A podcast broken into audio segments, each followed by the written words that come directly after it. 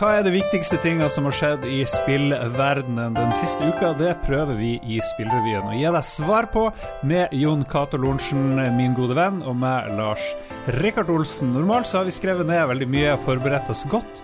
Jeg tenkte jeg skulle starte litt annerledes i dag, for jeg så en nyhet rett før vi begynte å ta opp, Jon Cato. Er du klar for det? Ja. Hvis du går på killzone.com, så står det 'killzone.com has retired'. Dear visitor, blah blah blah, you will now be directed to PlayStation.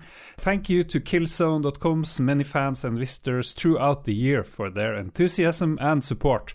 Og det tar eh, mange som et tegn på at nå er det goodbye Killzone. Det er ikke bare nettsida som er retired, det er hele driten, og det er jo kanskje ikke så veldig far-fetched. Du har jo vært på besøk hos Guerrilla Games, som lager Killzone. Det var jo en stor franchise, prøvde Sony å lage det til. Eh, fikk noen fans, ble kanskje aldri det helt store, og så kom uh, Horizon Zero Dawn her i, for to-tre år siden, eller noe sånt, som ble liksom det nye, nye greia der.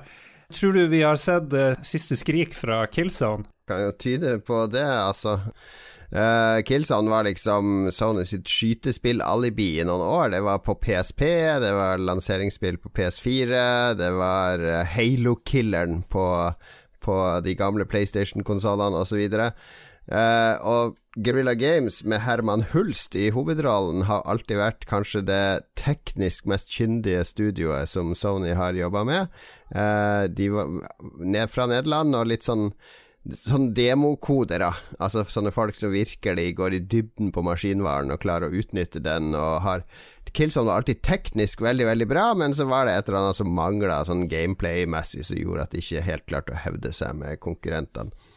Så klarte de å omstille seg med Horizon og lage en sånn her blanding av Selda uh, og actionspill og ha litt sånn dyp sci-fi-historie, og det resonnerte jo mye mye bedre enn Killzone-spillene har gjort. Det hadde et bredere publikum, og var ikke det her militærfetisjisme-skytespillet som mange av de skytespillene blir.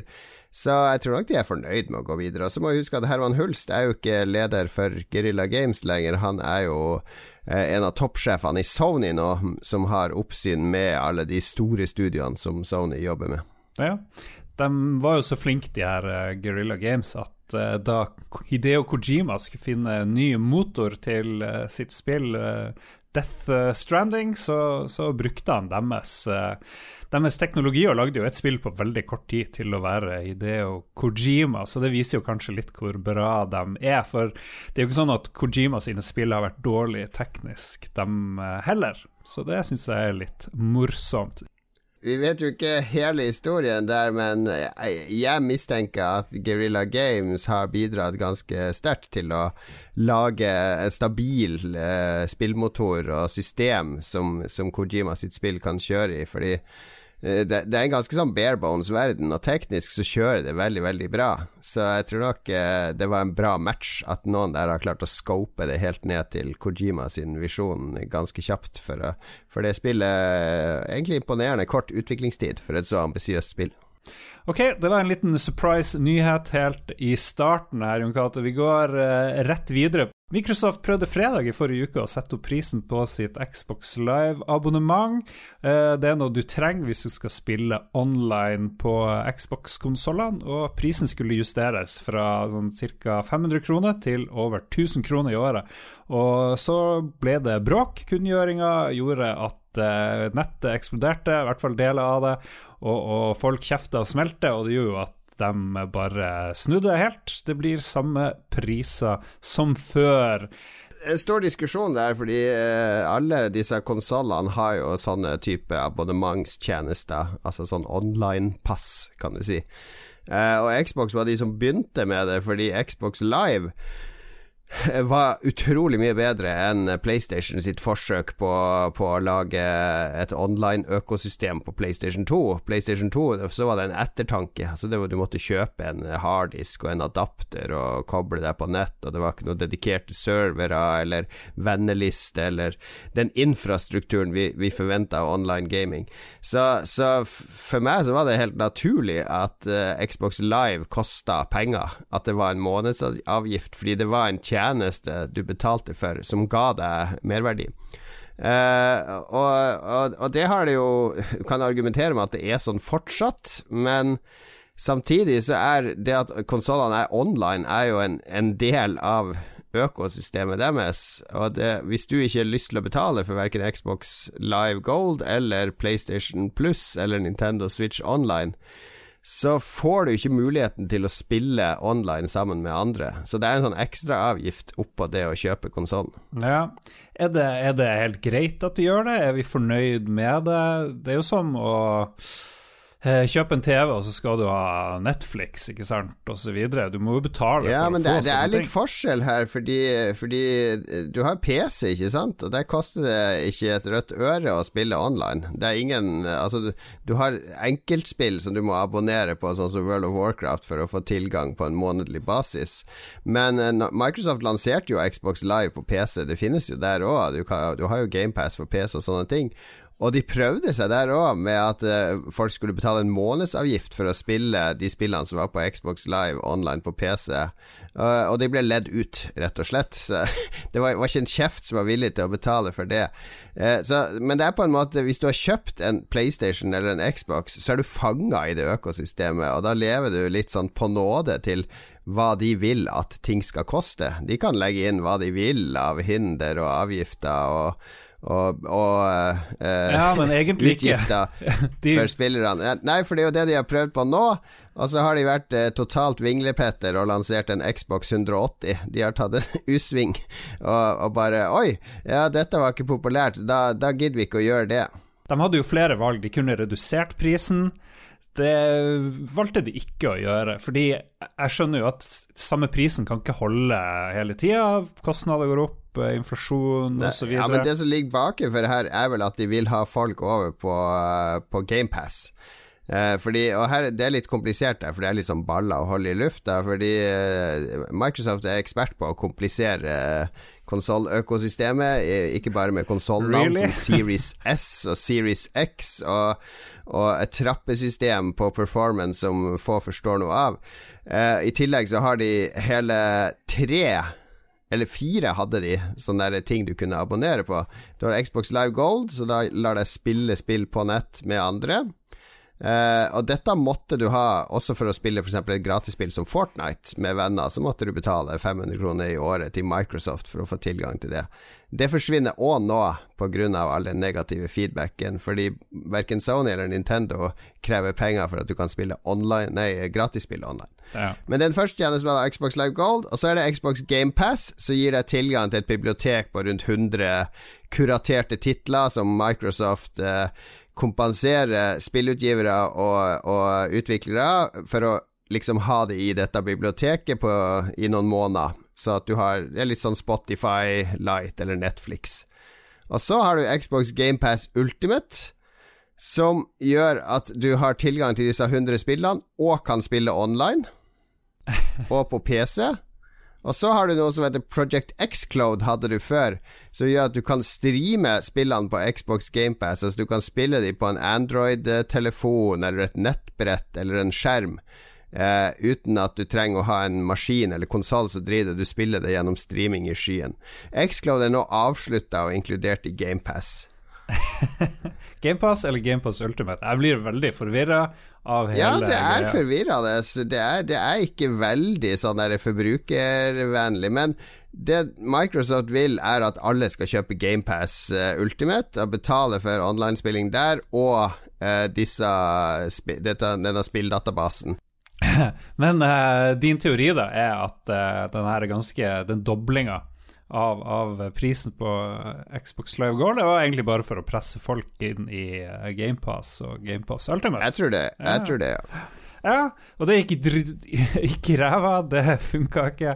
Så det Men eh, at de snudde så fort, og at de gjør det på denne måten, det tror jeg er ganske populært hos gamere. Ja, men, men samtidig eh, Gir det her deg trygghet på at uh, den konsollen du har valgt, og de som har laga den konsollen, vet hva de holder på med?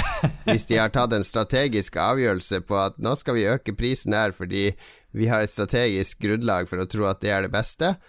Altså, på under et døgn så bare kaster de alle de planene over bordet. Å nei, folk ble sinte. Det er jo sånn der uh, eh, populistisk eh, Donald Trump eh, ving, snu seg etter vind-greier. Jeg, jeg syns ikke akkurat at det, det virker som de vet helt hva de holder på med.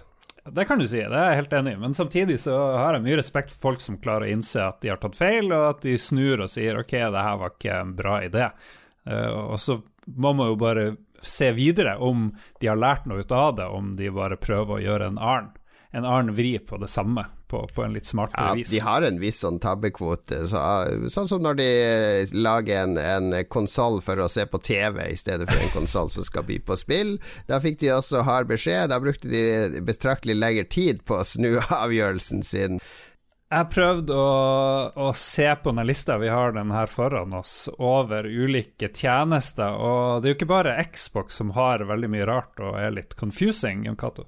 Nei da, Sony ja, driver og kompliserer det litt til. Sånn I utgangspunktet så har de to tjenester. De har PlayStation Plus, som er det du må ha for å spille online i, uh, i spill du har betalt for, mens Fortnite og sånn fortsatt er gratis.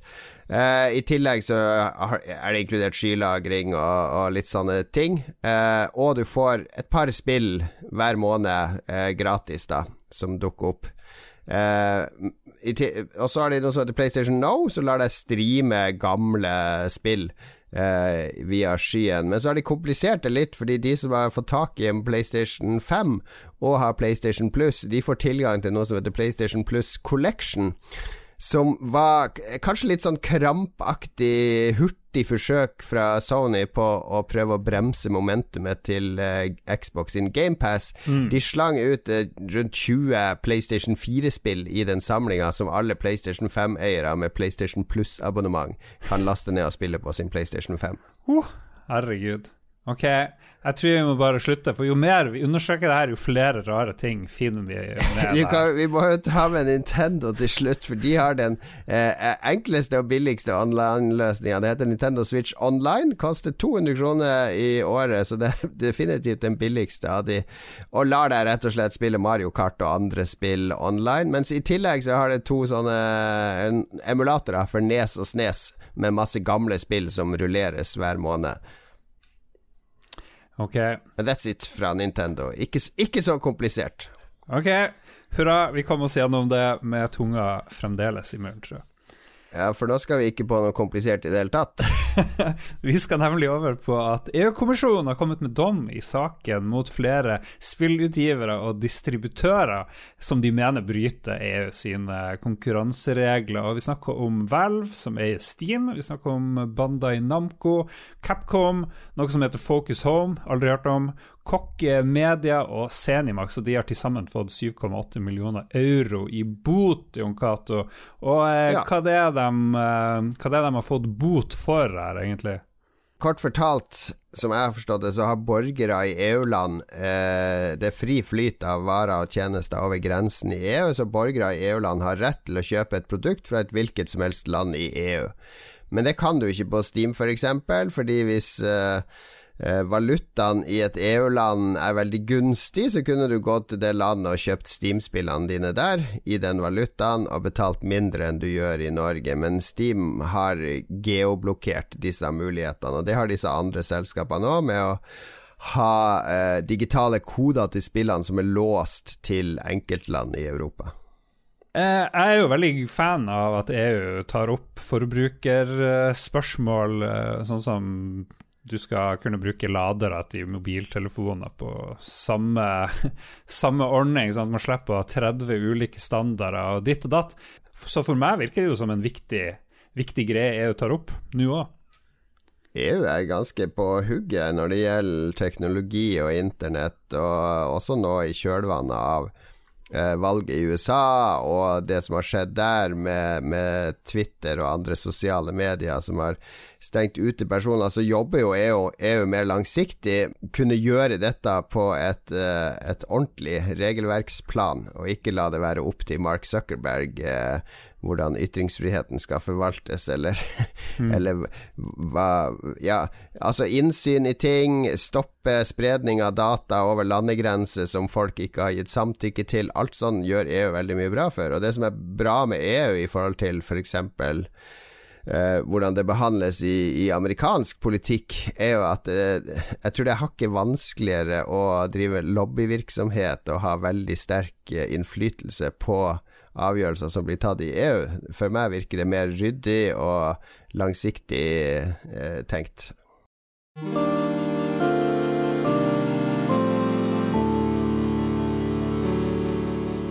Team 17 eh, kjøper et spill eh, som heter Golf With Your Friends for 139 millioner kroner fra studioet Blacklight Interactive.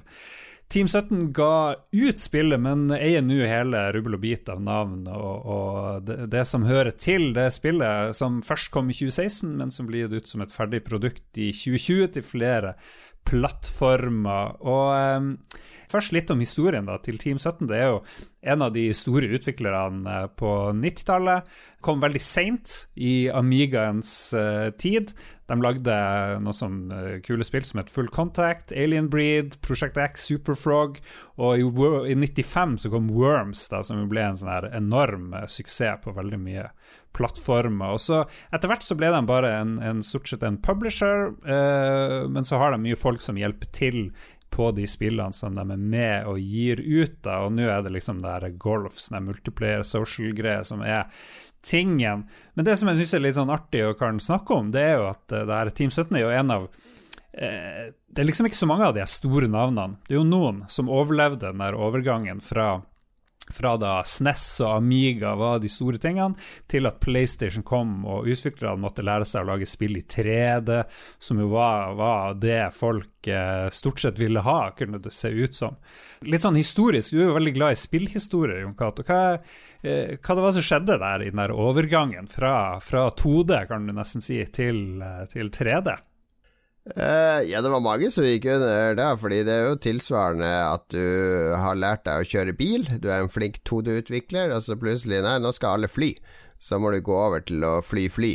Eh, det, det, er en tilsvarende overgang å gå fra de 2D-spillene som folk, eh, mange team mestra, til de 3D-spillene som krevde helt nye kunnskaper, og ikke minst ny, nytt gameplay-design, og alt, alt endra seg. Team ble større, osv. Ja, det har kanskje mye med det å si òg. Før kunne du være en liten gjeng folk, og nå så måtte du sikkert være, være nesten fem-ti ganger så mange. Ja, du måtte lage spillmotorer, ikke sant, som må vedlikeholdes og osv. Så, videre. så det ble en kompleksitet som, som knakk mange. Men for, eh, for, Team 17 sin del så tror jeg det er hovedgrunnen til at de eksisterte så lenge, var at i ti år så holdt de stort sett ikke på med annet enn Worms. ja. De ga ut Worms i hundrevis av forskjellige versjoner på alt av formater, som jo er et 2D-spill ikke altfor komplisert å utvikle. Asi, det, altså det er asymmetrisk multiplayer, der man bytter på styret. Eh, lagt til online her og der, men hvis du ser på, på merittlista deres fra eh, 95, når det første Worms kom, til 2007, så er det 95% av det de lagde, var Worms. Eh, de gikk over i 3D uten å lykke, og så videre. Og så har de, etter eh, etter finanskrisa så har de litt sånn omstilt seg til å bli mer en, uh, en publisher. Uh, fordi fra 2013 av så begynte de å gi ut ganske mye spill som andre hadde laga. Så da ja, brukte de sin ekspertise og, og nærkontakter til til å bli en publisher. Og de har vel de har ganske mange titler som har kommet og gått forsvunnet. Altså, det, det er mye sånn indie-spill som mange aldri har hørt om her. Eh, så de har vel aldri Jeg tror Golf with your friends er vel kanskje det største eh, indie-tittelen de klarte å signere. Det er litt artig å se på de her gamle navnene. Du har jo du kjenner jo veldig godt til Sensible Software og navn som Cinemaware og Bitmap Brothers og sånt. Nå driver vel Bitmap-karen og gir ut bøker og sånt. Jeg liker egentlig bedre de som la ned. Eh, fordi da kan du ha en sånn ærlig eh, eulogi, hva heter det på norsk? Altså Du kan ha en sånn ærlig biografi der de deler sånn helt eh, rått og usminka alt det dumme de gjorde, alle feilene de gjorde, eh, alt de angrer på. Mens sånn som Team 17 det, det, er sikkert masse fra 90-tallshistorien her vi ikke vet, fordi de er fortsatt et operativt selskap og skal ha en fasade av eh, suksessfull historie de siste 30 årene. Så, så jeg, jeg, jeg, trives med å lese om disse selskapene som har vært store og gått under, og liksom fra start til slutt. Noen har jo klart det litt bedre enn andre. da DMA Design, de som lagde det første Lemmings, de gikk jo til å lage GTA 3. Det ble jo liksom yeah. en helt sånn vill suksess, så de klarte jo på mirakuløst vis å leve videre og er jo helt fantastisk svær i dag.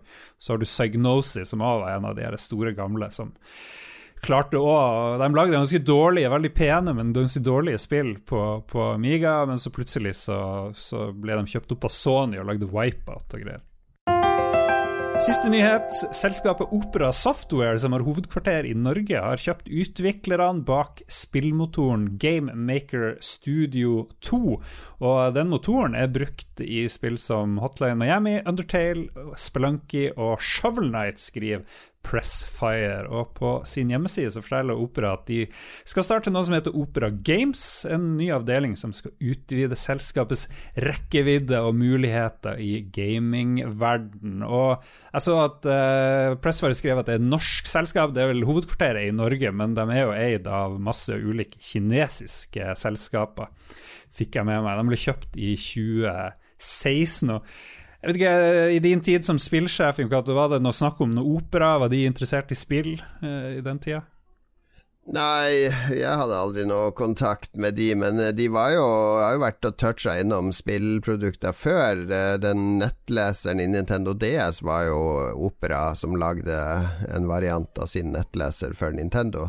Mm. Så at de har jo vært og snust på spillmarkedet før. Uh, så er det jo interessant at altså, GameMaker har vært en inngangsport for mange, og mange veldig gode spill som har blitt laga i GameMaker, så det er jo kjempeinteressant at de eh, ser potensial i å bruke den i en, eh, en eller annen browser-sammenheng, tydeligvis.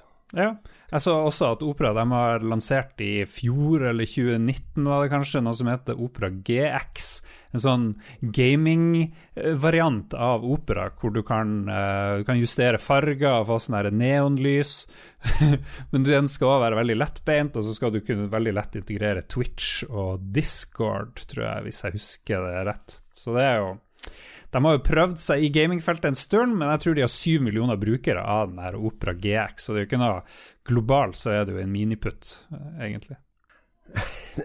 det ser jo veldig sånn futuristisk og litt sånn klisjé-gamer ut, men uh, uh, ja ja, det Hvorfor ikke? Altså, en av ambisjonene til Google med Stadia sant, var jo at du skulle eh, se en YouTube-trailer av Assassin's Creed, og så trykke på en knapp i YouTube-vinduet, ta opp kontrolleren, og så spiller du videre direkte i YouTube-vinduet. Så en, en, browser integrert mot gaming, eh, med interaktive ting Altså, nå er jo vel Java lagt ned, det fantes jo masse Java-spill før, men ja, jeg, jeg, jeg kjenner ikke til hva de ønsker med det. men Kanskje, kanskje blir hovedfokuset på litt sånn der uh, learning og, og, sånn type spillsoftware, og ikke at de skal ta over som en eller annen spillmotorbrowser.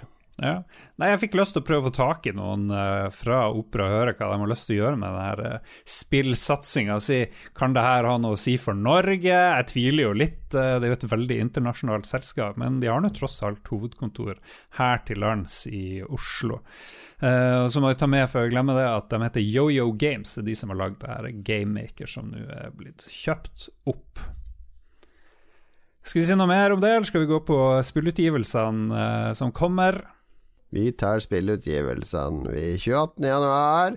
En stor dag for alle Xbox-spillere, for da kommer faktisk Jeg tror det er det første Det er andre eksklusive Xbox eh, Eller vent, vent, vent. Nei, jeg må jo holde ordene eh, stokke kortene riktig. Alltid når det har med Xbox å gjøre, syns jeg det blir så komplisert.